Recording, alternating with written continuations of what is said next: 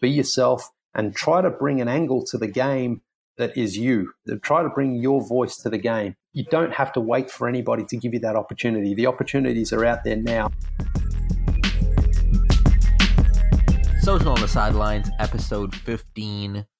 With my good friend and colleague Amara Baptist, we are presented by Front Office Sports with every episode brought to you by who, my good friend? Um, well, every episode is brought to you, to you these fine folks, listeners here, by Team Infographics. They create fire content needs for anything you may think of, and we are honored that they make us content. You can find We them are indeed. where? Uh, on the Twitterverse at Team Infographs or online at teaminfographics.com. Uh, today's episode, unfortunately, Amara was not able to join, but it was because of some very serious news, obviously, with the passing of Paul Allen, um, which was not expected. So uh, we had Leigh Ellis on. They're going into their sixth season with the starters. He's part of the show. If you didn't know, you should because he is great at what he does. They're they've had a thousand plus episodes of the starters now. Um, been involved in NBA media for quite a long time. Um, and Amara actually was the one who hooked this interview up. So if any of you guys enjoy it, which I hope you all do, you all owe it to Amara to shout her out. She made this happen. Yeah, I've known um, Leigh uh, for quite a bit. Super awesome that you know he wanted to come on with us, and the starters are super interesting because they are a show that's super highly engaged on social, and um, yeah, I think they're a great testament to how brands can really be built digitally and lead to something uh, even bigger.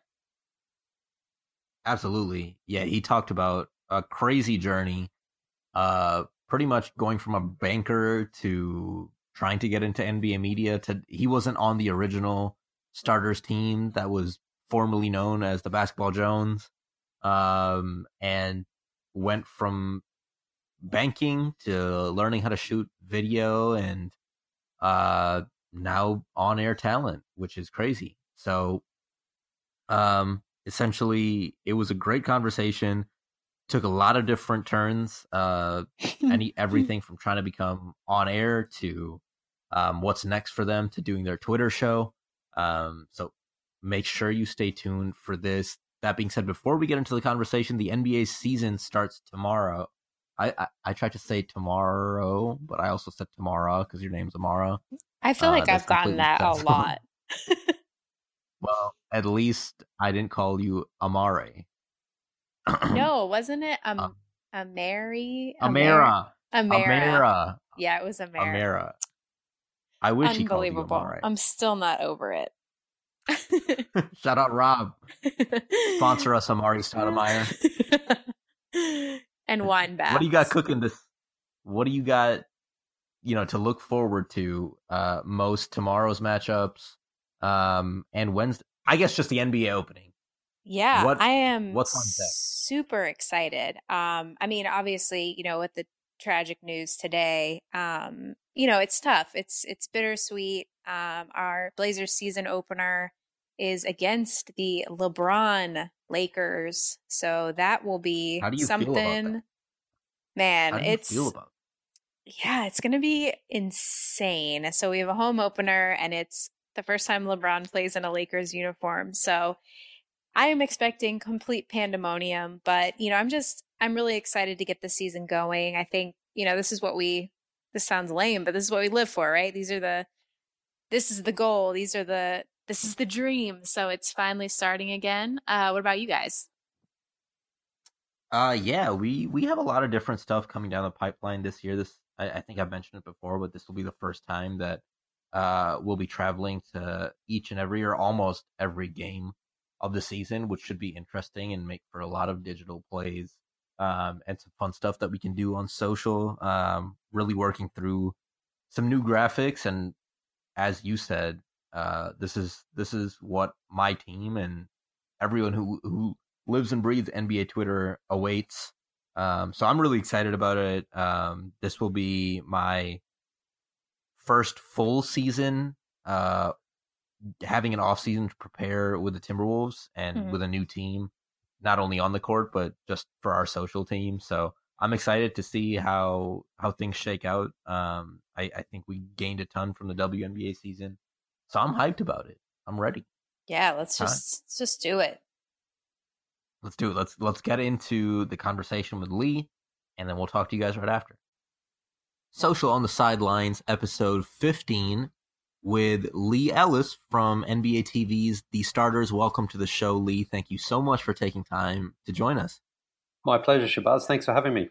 Of course. So, just wanted to kick this thing off.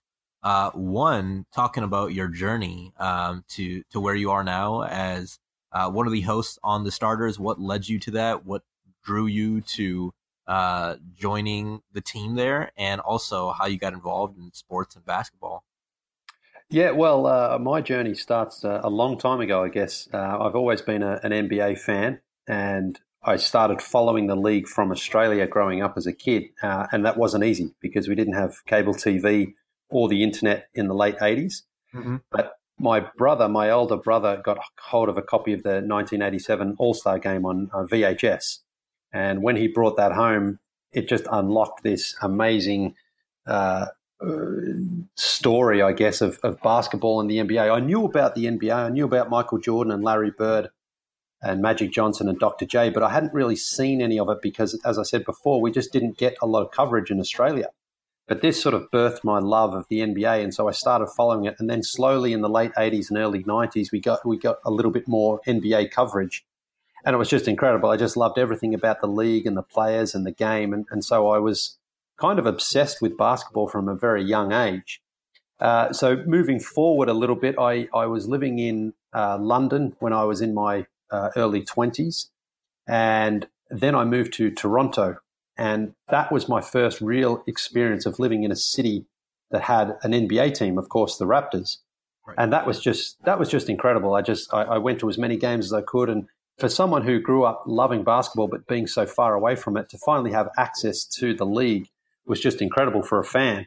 And that was when Vince Carter was at not maybe pretty much close to the height of his powers as far as, as he was the biggest name in the world in, in, in a lot of ways in the basketball world then because he'd come off that dunk contest in Oakland in 2000.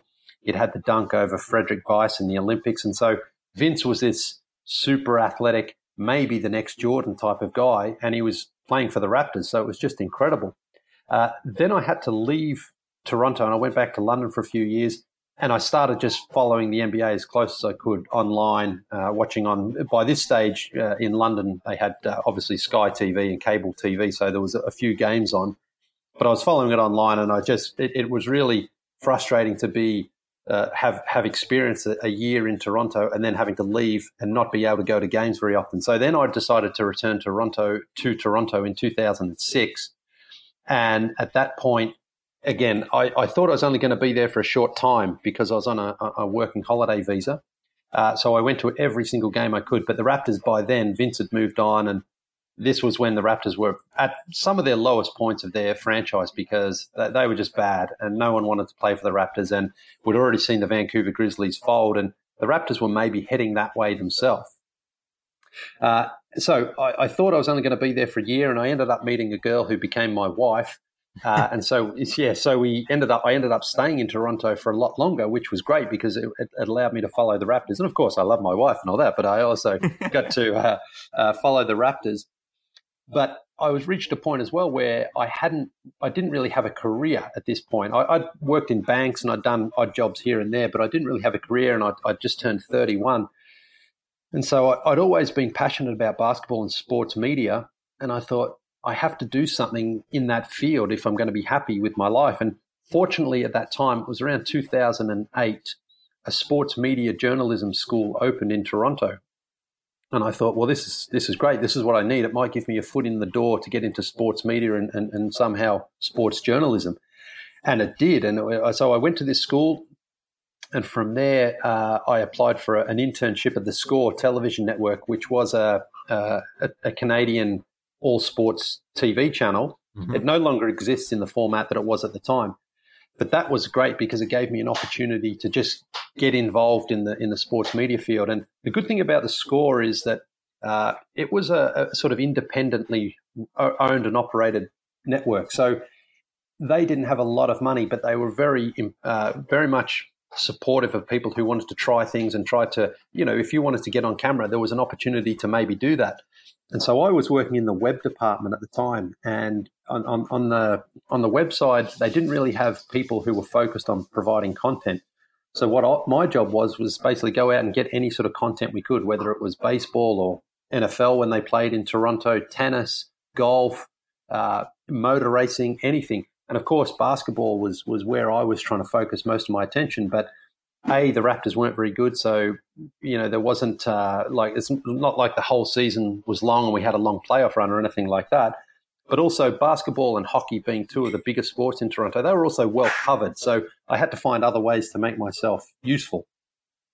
Fortunately, there were a few opportunities there with the Raptors that I got to do a few little sto- side stories and things like that. But in the meantime, I had to also fill my the other parts of my day by doing other sports. And so what I learned was I learned how to operate a camera, I learned how to edit, I learned how to produce and, and to write and to do all these things. Now, I don't think I was particularly good at any of them, but what I did was just I just kept trying and I kept practicing, and I, any opportunity that came along, uh, I, I, would try to take it. And I remember I went out and interviewed some boxers that I've never heard of before, a race car driver that I'd never heard of, because these opportunities kind of came my way because no one else really wanted to, to take them on. And I thought, sure, and anything that gives me that exposure and that chance. So around uh, a year or so later, the Basketball Jones, as they were at the time, uh, who I knew. I knew who Skeets and Tas were uh, because of their uh, podcast online, but I didn't really know all that much about them. But they joined the, the score. Mm-hmm. And they, they started doing their podcast daily at the score, and I was like, uh, "This is uh, this is amazing. This is what I want to do. I want to get involved in some sort of basketball show." But I didn't really know how to sort of just walk up to them and say, "Hey, can I work for you guys?" But what happened was, I, I did make myself known to them by sort of always, you know, accidentally walking past their office. Hey guys, how you doing? You know, oh, you're talking basketball, sir. I like basketball too. Uh, trying to make myself known to them, and occasionally they needed an extra pair of hands when they went on a shoot or when they did uh, one of one of their the videos that they used to shoot, and so they said, you know. You want to come out and uh, watch what we do and, and maybe give us a bit of a hand? And I was like, yeah, sure, no problems. So I started to establish a little bit of a relationship with them, but again, it wasn't really going anywhere because they didn't need full time help.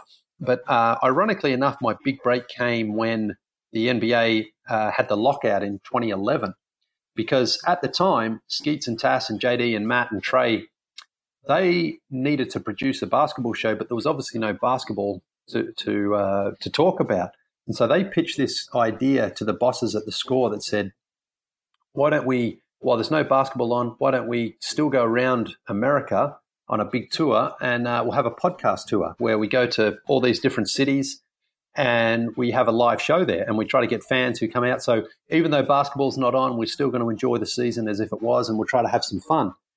Now, this was a crazy idea to me because when there's no basketball on and you're not producing a show, to sort of convince the bosses to pay for this big trip was uh, a remarkable gamble. And but the bosses went for it. They said, "Sure, that's a good idea." And so the Basketball Jones at the time then said to me, "Hey, we need uh, an extra pair of hands on this trip," and so they offered that opportunity to me. And when they said it to me, the funny thing was, I'd just arrived back from Australia uh, with my wife, and she was pregnant at the time, and we'd only just found out she was only three months or so pregnant. And so I walked into the office, and a day or so later, they said, Hey, do you want to come on this five week trip around the USA with us? And I was like, Yeah, absolutely. Before I'd even cleared it with my wife, as I say, who was pregnant, but I just knew that was a sort of opportunity that if I had if I had hesitated or maybe turned it down, the next person they offered it to would have absolutely taken it. So I said, Yes, yes, I'll, I'll do it for sure. And then I went home and I said to my wife, uh, so, you know, uh, I've got this opportunity at work. And she was like, oh, great. That sounds exciting. And then I said, it means I'm going to be away for the next five weeks. And there was a little pause, but then she said, like, you know what, you have to go. You have to take this chance and see where it might lead because you just never know. And, and so she was incredibly supportive.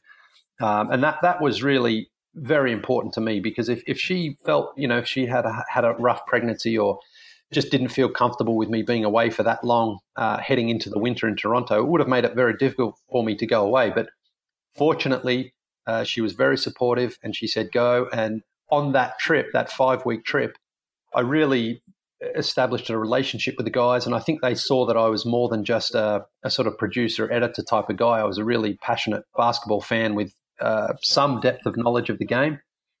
And so when we returned from that trip, the season had been announced that they were starting on Christmas Day, and so their show was starting up, and, and we had a sort of conversation there, and we said, I, you know, I think I was talking with JD, and I said, when the season starts, if you guys would like me to be a part of the show, I would love to be a part of it full time, and and JD said, you know, he'll talk it over with the guys, and then uh, they were all for it, and, and we started working on on. Uh, I think it was just after Christmas Day. I think the first show was. I can't remember exactly what day it was, but I started working with them full time. So uh, you know, there was a lot of uh, opportunity. There was a lot of just sort of luck that that happened to be me being in the right place at the right time. But also, I think I was ready for that opportunity because I had I had been working hard to try to find the right uh, situation for me. And when it presented itself, I was ready to take it. And, and obviously, from there, we've since moved down to Atlanta to, for NBA TV, and we do the daily show down here, and we do podcasts, and we have all sorts of other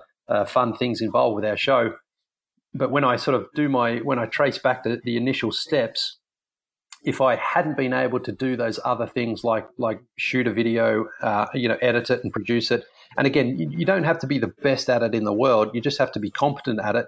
That was my foot in the door, which then led to me being an, an on-air uh, analyst for the show now, which is uh, really what my dream job was uh, when I first started.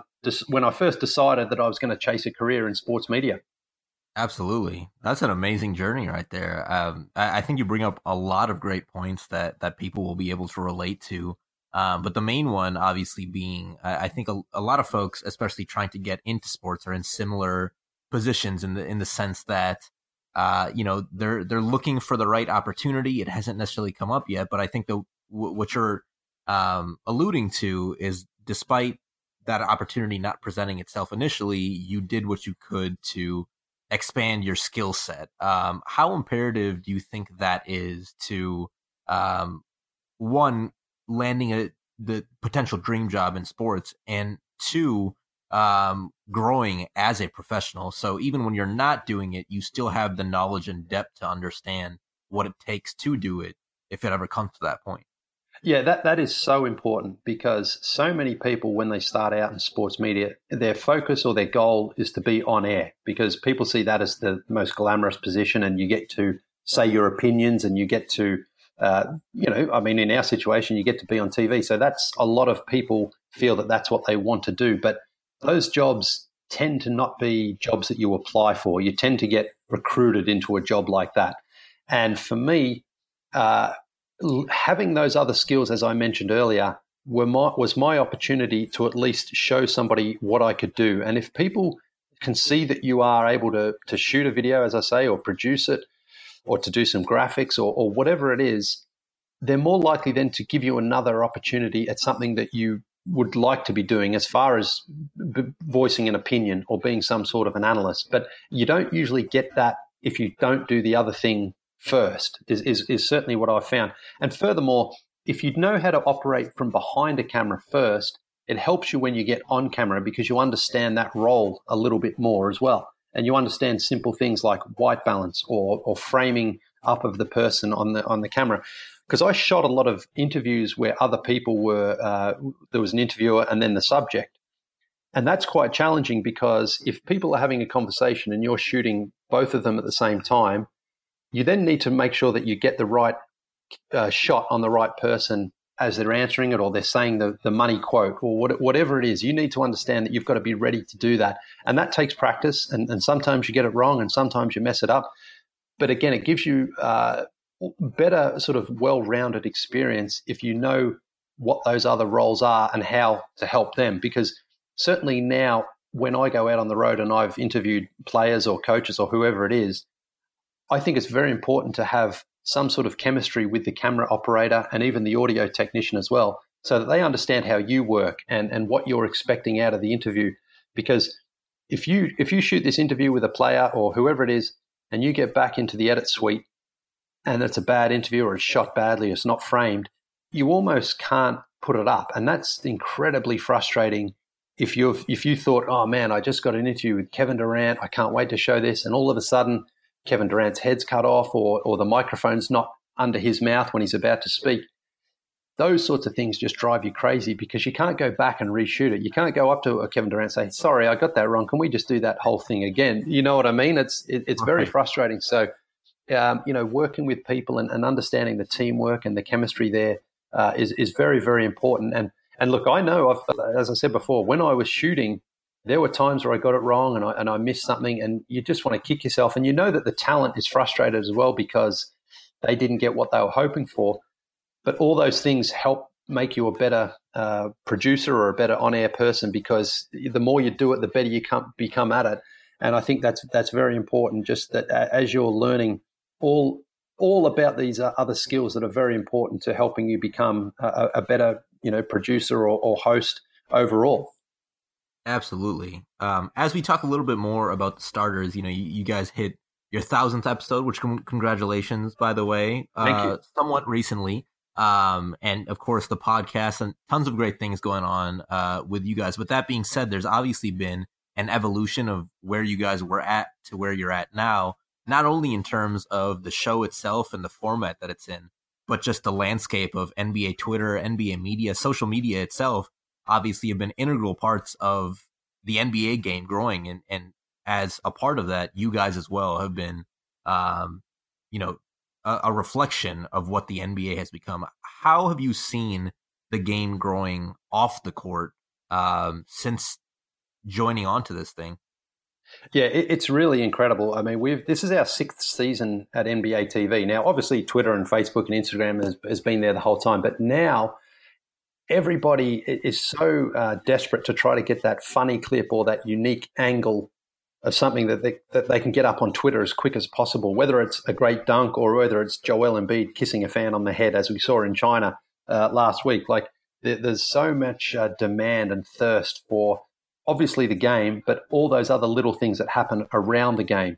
And that really is uh, is an incredible thing about the NBA. And what I really like is that the NBA encourages this sort of social media sharing. I know some other sports like Major League Baseball and NFL, they seem to be a little bit more uh, dictatorial from the head office. That like we want yep. to control all these highlights, and, and if people put up highlights, they they have them taken down straight away, and you know threatened with uh, you know, sort of, you know, legal action and things like that. Whereas Adam Silver, the the uh, NBA commissioner, he's even said we love it when people share these highlights because it's great exposure for the game.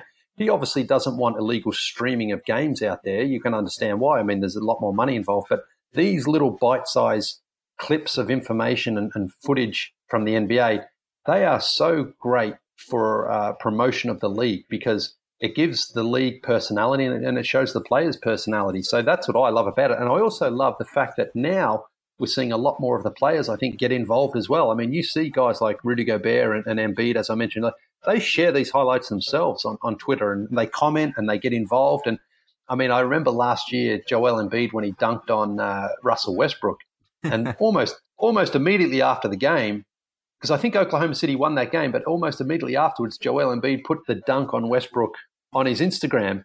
You we all know that like that's not coincidence. He's he's definitely trying to troll Russell Westbrook, but that's what makes the NBA so great is that the players feel that they're uh, a part of the audience as much as everybody else is. And I feel that you see as well, and, and, and this happens in other sports where there's interaction between players and fans, of course, but I feel in the NBA world, you could send a tweet out that LeBron James or Steph Curry or someone like that, they may even quote tweet that or reply to you, and as if they're just a part of the fan when they're not playing, and and that that's what's uh, amazing. I mean, we know Kevin Durant obviously had the the burner account stuff, and I'm sure other players have got things like that as well. But that that to me is critical because I think it shows that these these guys they might act as though they don't watch the watch what happens online and stuff, but you know that they feel that they don't want to have to stay silent as well. They want to get involved and they want to get into the sort of back and forth uh, with fans out there. So it just it just feels like it, the NBA is this one big interactive uh, social family. And, and, look, there's there's always a, a, a, darker element to it. You know, some some players and some fans take things too far. but still, I think that's you're never going to get a get rid of that completely. But I, I just like the fact that the players are, are, socially active and they get involved and they're not afraid to uh, to express their own opinions on whether it's basketball topics or, or as we've seen as well with guys like Steph and LeBron, uh, even political topics as well. And I, I, think that just makes the league a lot more uh, reachable to average fans and, and people who are at home watching. It yeah, it, I mean it speaks to the accessibility and the relatability from a player's perspective and, and fans' perspective. You know, these these highlights like you're alluding to are, are being shared by the players. And and then on top of that they're hopping on the social platforms to discuss. Yeah. The other thing about it is you guys have been able to also leverage these moments. How do you as a team uh, at the starters utilize social media to communicate and get fans input on your show and and learn from that? I, I know it's an integral part of it. So how does that process go so, I mean, I guess the interaction with the fans is primarily on Twitter when something happens and, and people try to interact. We, I mean, people email us and they comment on Instagram or Facebook or whatever as well. Um, but that, I think people know segments that we have, like the meme team uh, or the weekend whoopsies. People know what those type of segments are about. So they want to contribute. So if they see something they're like, hey, this would be great for the meme team or great for, for weekend whoopsies, whatever it is. And that's really great because that helps us build the show. But we also like to acknowledge those fans who help us out. And, and we, we, we do that, particularly with the meme team where something happens like when Russell Westbrook wore, wore that crazy uh, photographer shirt when he went to uh, Oakland the first time when he played against Kevin Durant. And the meme team was just great that day. And we put up whoever tweets things in with their Twitter handle so they see them, they, they get their little moment of fame where they see their name on TV and it also goes on YouTube and it also goes on our Facebook page. So people who do contribute to the show, we don't take that for granted at all. We really encourage that sort of stuff because even though the six of us, we just simply can't see everything ourselves. I mean, you, you need other people to contribute. Uh, I mean, as far as the six of us go, we have a Slack channel, uh, we have WhatsApp, and so we're always sort of communicating with each other in that regard. But fans see that they can participate in the show, get recognition in the show. And, and we like to basically say to them, this show is not just about us telling people what they want to see. Our show is made by us, but it certainly takes a lot of input from fans and, and other things as well, like particularly off the top of the show when Trey will often have a social moment where he'll he'll talk about a, a, a hot topic and he'll encourage fans to tweet in their responses to a question that he proposes and then at the end of the show we go over a lot of those answers and people again will see their name and they'll see their tweet and they'll realize that the show is authentic as far as we want fans to participate, not just to watch and to say, hey, a great show or whatever. We want them to actually contribute to the show. Uh, and that just makes it a better show because, again, it comes back to the relatability. Um, you know, fans, they, they understand that our show is an entertainment show and it's a basketball show.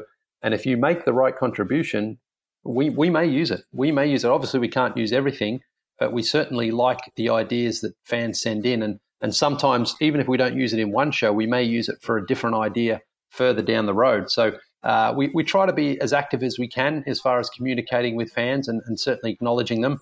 Uh, but as I say, it's sometimes you know you just can't get to everybody, but we, we certainly try to involve them uh, in in the process as much as we can.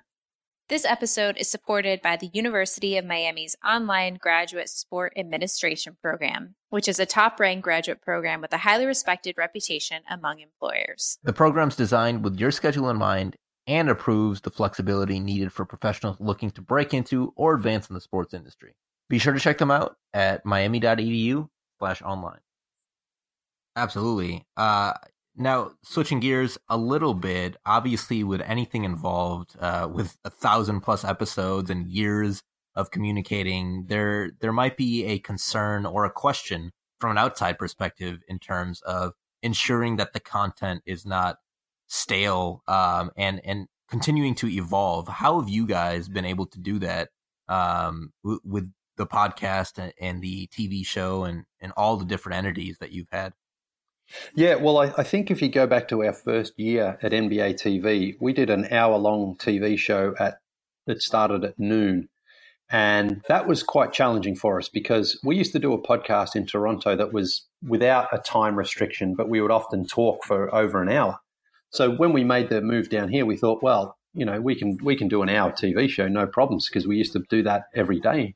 but it's a lot, whole lot different when you're sitting around uh, without commercial breaks and without having to worry about how things are presented and when you have uh, coverage of games and things like that. When you get on TV, there's a there's a certain uh, expectation that you're going to present things in a slightly different way. So that was certainly challenging for us. And what we realized at the end of that first season, we went out to Las Vegas for Summer League, and rather than do hour long shows, we did half hour shows. And that really opened up a window to us because we thought an hour is a little bit too long. You sort of run out of things to talk about towards the end of the show, particularly towards the end of the week. Whereas half an hour, you can get a little bit more into the topics without having to uh, puff the show out at any point.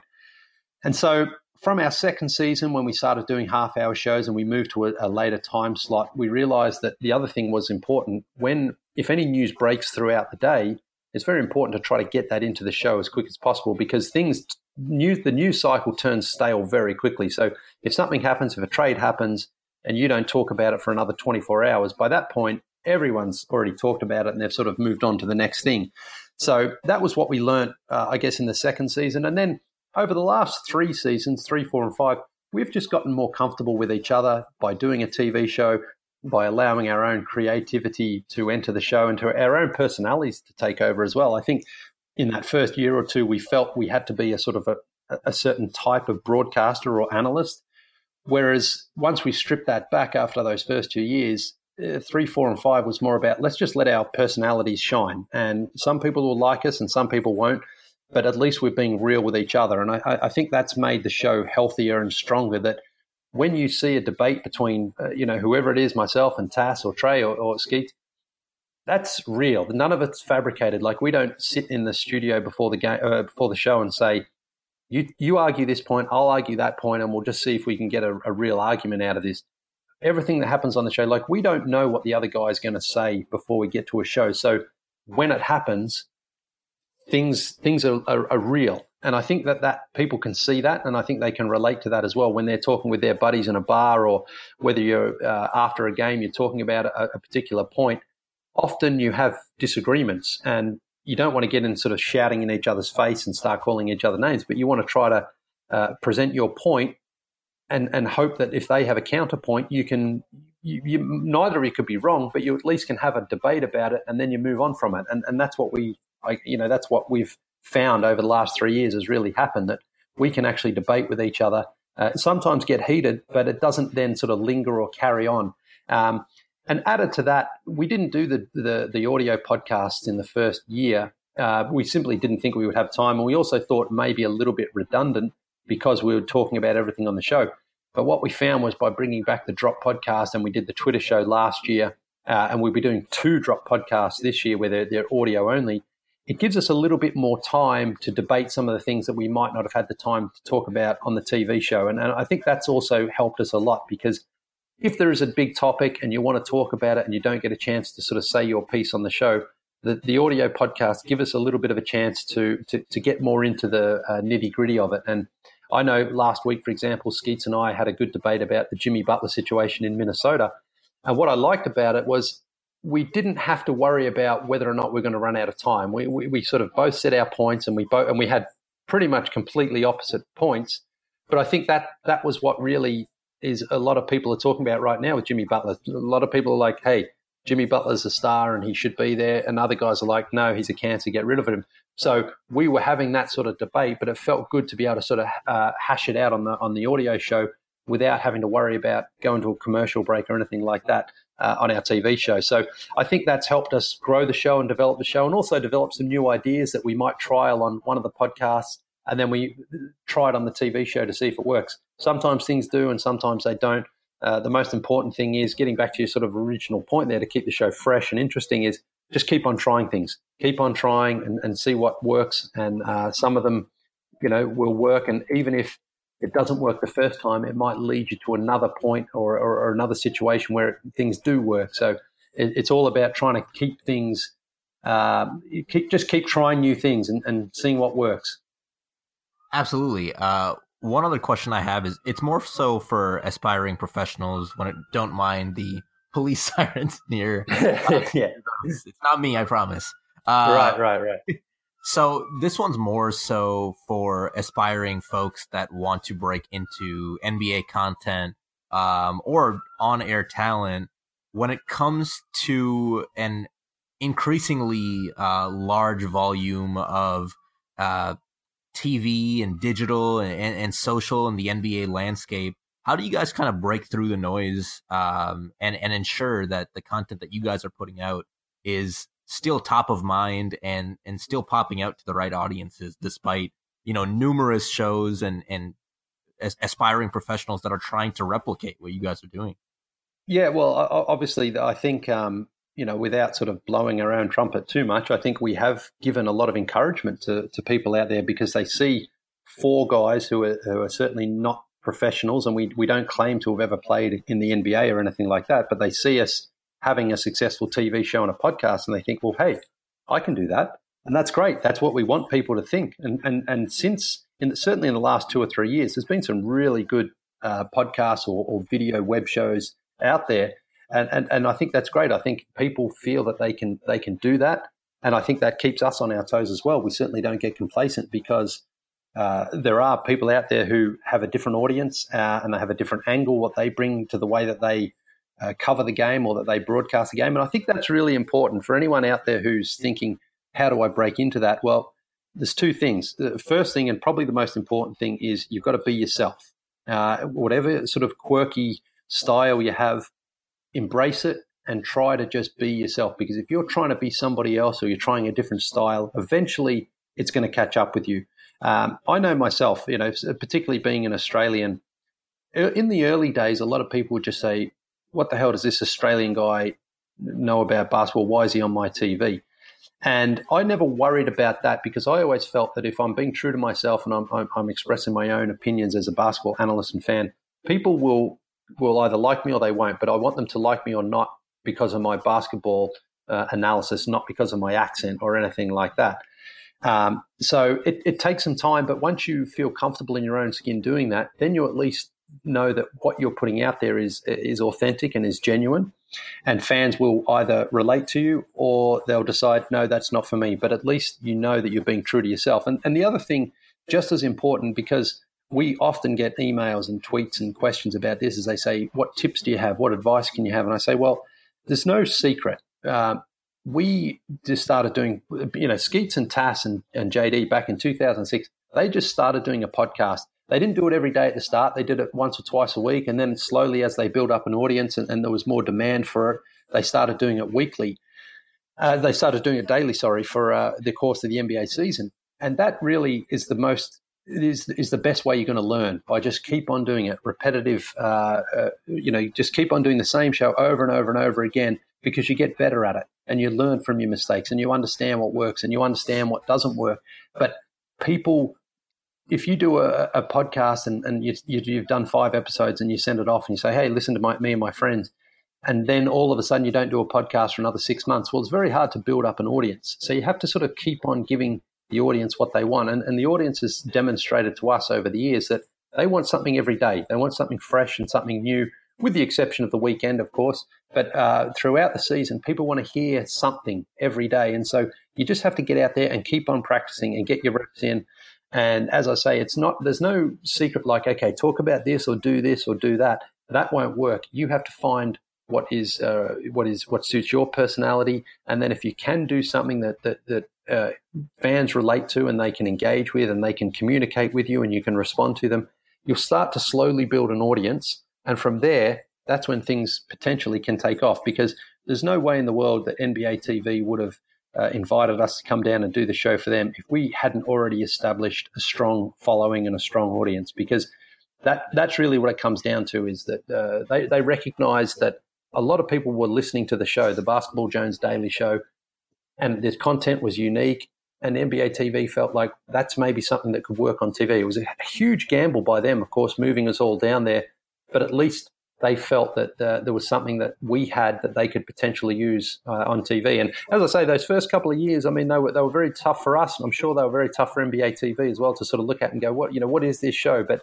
now, five years and over a thousand episodes in, we at least understand how that partnership works a little bit better. And, and, and they, they understand that our show gets weird sometimes, no doubt about it. We've we've done some crazy things, but also that our show is different to anything else that's really out there as far as a sports show, particularly a basketball show that uh, that, that, I've ever seen. Anyway, I mean, we we you know we've thrown eggs at each other, we splash a pie in each other's face. Trey Trey gets his brownies out regularly. I mean, there's all sorts of crazy stuff, but the show itself is not based on one thing or another. It's not like well, it's hardcore analysis or it's hardcore jokes all the time. We try to entertain, we try to have fun, and we try to present a basketball show that not just basketball fans will enjoy and uh, other people. And, and, and, those are some of the most satisfying emails that we get when people say, my friend or my wife wasn't a basketball show, basketball fan, but she watches your show and she loves it and it's great. And, and that to us uh, is really satisfying because it shows that we're not just speaking to basketball fans and we're not just providing a basketball show, we're providing a show that entertains people. Uh, and that's really satisfying. Absolutely. I won't take too much more of your time, but I have a couple final questions for you uh, the first of which being obviously you guys experimented a little bit with a Twitter show. I, I know that's not returning for the sixth season, but what did, what did you learn doing something that was so essentially different when it came to being an early adopter uh, of Twitter Live, and how do you hope to use some of those insights, you know, going forward? Well, that's that's a great thing. So the Twitter show had only been around the last two seasons, and that was live on Twitter once a week on Tuesdays, and that was presented to us by NBA TV uh, just before the season a couple of years ago. They said, "Listen, we want you to do this show," and we were like, "You know, okay, sure, let's let's try to come up with something different." And so we came up with a few different segments. We had like top five, and we had trivia, and we had uh, Tas had his segment, which was uh, "Say What," where he was talking, pick, picking out funny things that announcers would say. And the good thing about it was, again, it gave us an opportunity to try new things and to try to find things that would work. And and again, some of them did. We I think we had a couple of other segments that we tried and they just didn't really go anywhere. But these other ones worked for us or, or worked in a way that we liked. And so this second uh, drop podcast that we're doing this year, we're going to incorporate some of the things that we learned from the Twitter show into that because we want we want the drop to be slightly different to the Friday drop, which which has been a staple for the last few years and we, so we want fans to sort of see there's a little bit of a difference, even though it's a similar uh, platform. And, and again, it comes back to when we are in the office before a show and we're trying to brainstorm ideas, someone will say something, we'll put it up on the whiteboard and we maybe try it, put it into the show and see what the response is. And sometimes people just go, what the hell was that? And they, they didn't relate to it. Other times we go, well, it didn't work in that format, but let's maybe try, you know, something different with it and trying something else. And, and most of the segments as well tend to be not just sort of one guy's segment. They tend to be uh, we sort of shuffle things around. So one guy does it one week and another guy does it the next week, uh, and so on, so that we bring different ideas and different angles to it, and then see what connects with fans. And so that, that's one thing I'm really looking forward to this year is uh, getting an opportunity to again think of something different, uh, trying to add it to the show, and just it might lead to another idea that you just weren't even thinking about at the start. And so it, it, it's encouraging, and we all try to sort of support each other in those ideas and those adventures and just see where it takes us because uh, it's very important for the show to evolve uh, while also staying true to its roots as well. I, I, don't think you want to make the show too crazy that people can't recognize it, but you also want to make sure that people are listening and, and, and just seeing how they gauge the new things that we try out. Um, and, and, at the end of the day, above all else, we just try to have fun. And I think if, if we have fun, I think that uh, comes through the speakers, and I think fans see that, and I think they they, they feel that when they're uh, listening to the show.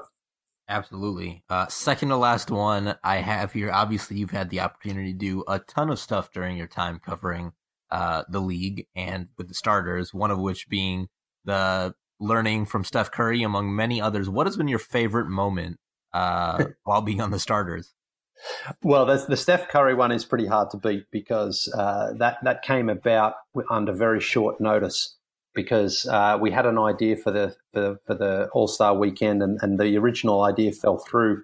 And I was just talking with our producer Matt, and he said, uh, "Why don't you try to do something with Steph Curry?" And I was like, I was like, well, I mean, sure, let's try it. But it's, it, I just, it just didn't feel to me like it was going to work. But I said, sure, send the Warriors an email and see what they say.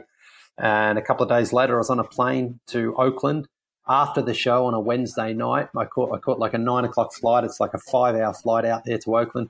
I woke up, uh, and I, I, met up with the Warriors PR, and I and I said to Ray Ridder, I said, oh, "This is the story," and he's like, "Oh, yeah, okay. Well, you got you know eight minutes or so there with Steph to do it," and I'm like, "I'm like eight minutes, like." I mean, that's that's not long. I mean, for what I wanted to do.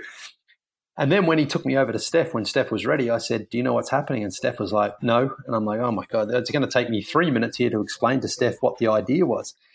Anyway, uh, Steph was incredible. He was just incredible. He, he'd just finished a practice, and then I said to him what we're trying to do. And for the next 30, 35 minutes, I was just shooting around and, and, having fun with Steph Curry. And, and, and Ray, a couple of times, kind of looked over at us because we'd gone well past the, uh, the eight minute allotment.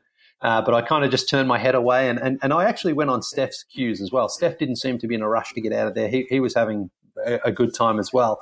And so I got to shoot around with maybe the greatest shooter we've ever seen in the game and, and, and also just hang out a little bit with Steph Curry. And when I, a lot of my friends or family back in Australia saw that and they knew how big a basketball fan I was growing up as a kid, when they saw that happen, people were just really, really excited for me and really happy for me. And for me, it's it's, it's very hard to, to go past that because um, you see Steph get interviewed a lot, and we we've heard a lot. We know a lot about his family and things like that. But I sort of what I was hope I showed to people was just a different side of Steph, where me and him were just two guys who love basketball and we're just shooting around having fun. And sometimes that gets lost when you see a, a famous athlete because you always just assume that they're always in game mode and they're always uh, focused and locked in. But sometimes they're just guys who, who just love the game and love shooting threes. And, and for me, to have that opportunity was really special and something I, I truly will remember forever.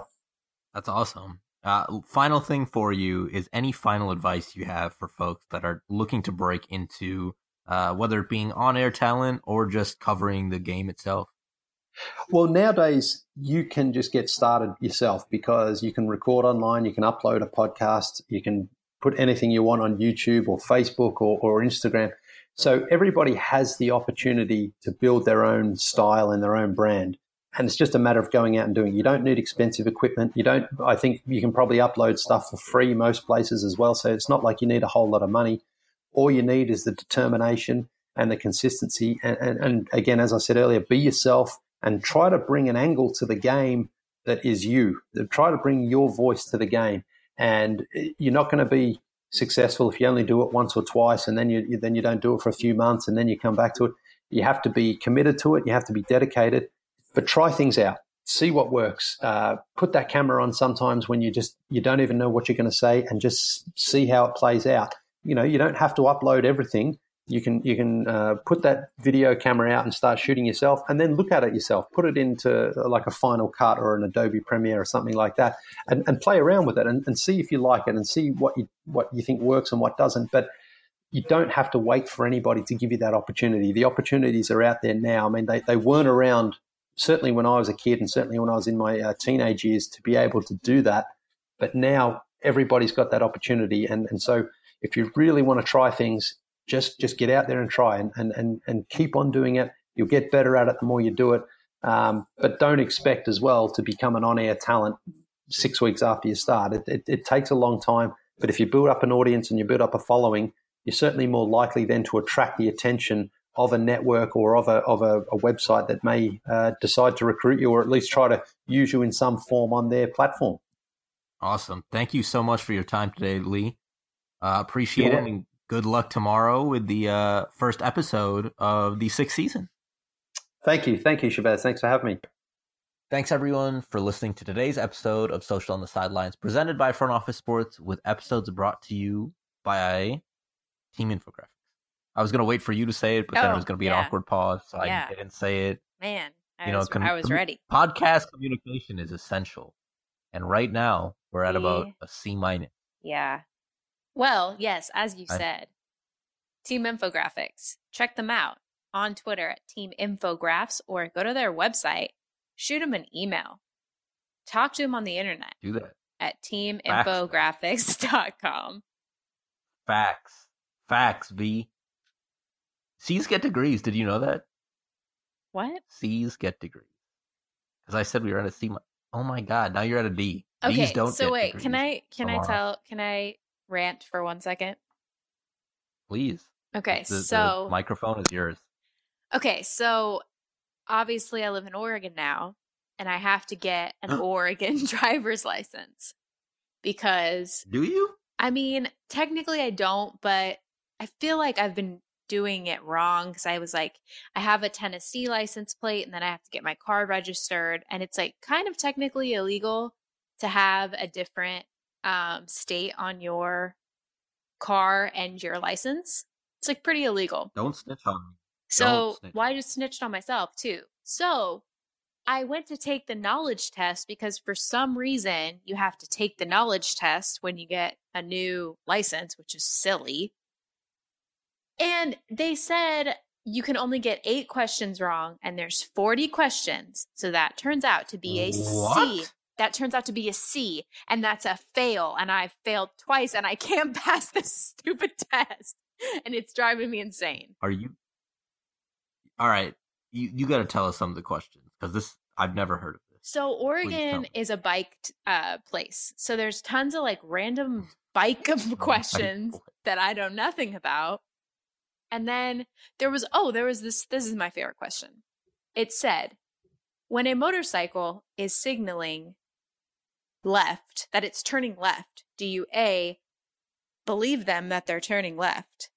B assume that they're not turning left or C do nothing or whatever, I forget what C was.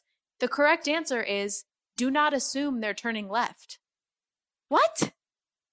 Like Uh, that doesn't seem to be right. I, I oh, it's really stressing me out. Anyway, PSA, a C is not a failing grade. That's It's true. That's my final Just thoughts. just ask my mom when I was a engineering major. Yeah. Actually, don't ask her. Don't ask her. She'll get upset. I'm she gonna will be tweet at her. that I get a C. She doesn't have a Twitter, so please do. All right. I would love to find you. I would love to have you tweet at Rose. She doesn't have a Twitter. Hi, shout out Rose. Shout out Rose. All right. Sponsor us, Rose. That was my groceries. Yeah. Oh my gosh, please. Struggling artist My over here. uh, side note: sponsor us, Oregon DMV. If any of you are listening that served our girl Amara as her, we will get you on the 16th episode of Social on the Sidelines to talk about your evolution from being a DMV person to an NBA aficionado. I guarantee if you find oh. the Oh. person who did that test, I will we will get them on the podcast. I don't Tell even them. want them on the podcast. I just want them to pass me. I I I want to hear how funny it was to read your answers. I wish it was open ended so they could read your answers out loud. I would be I would want nothing more. that like you don't understand how this is like causing me to lose sleep this stupid stupid driving test anyway Ooh, stupor. stupor The okay stupor with test. that we're signing off You've clearly lost too much sleep. all right it's been real Sponsor us, sleep aid. I don't know if that's a thing. melatonin shout out melatonin Shooketh. Sponsor us. Okay. See you guys.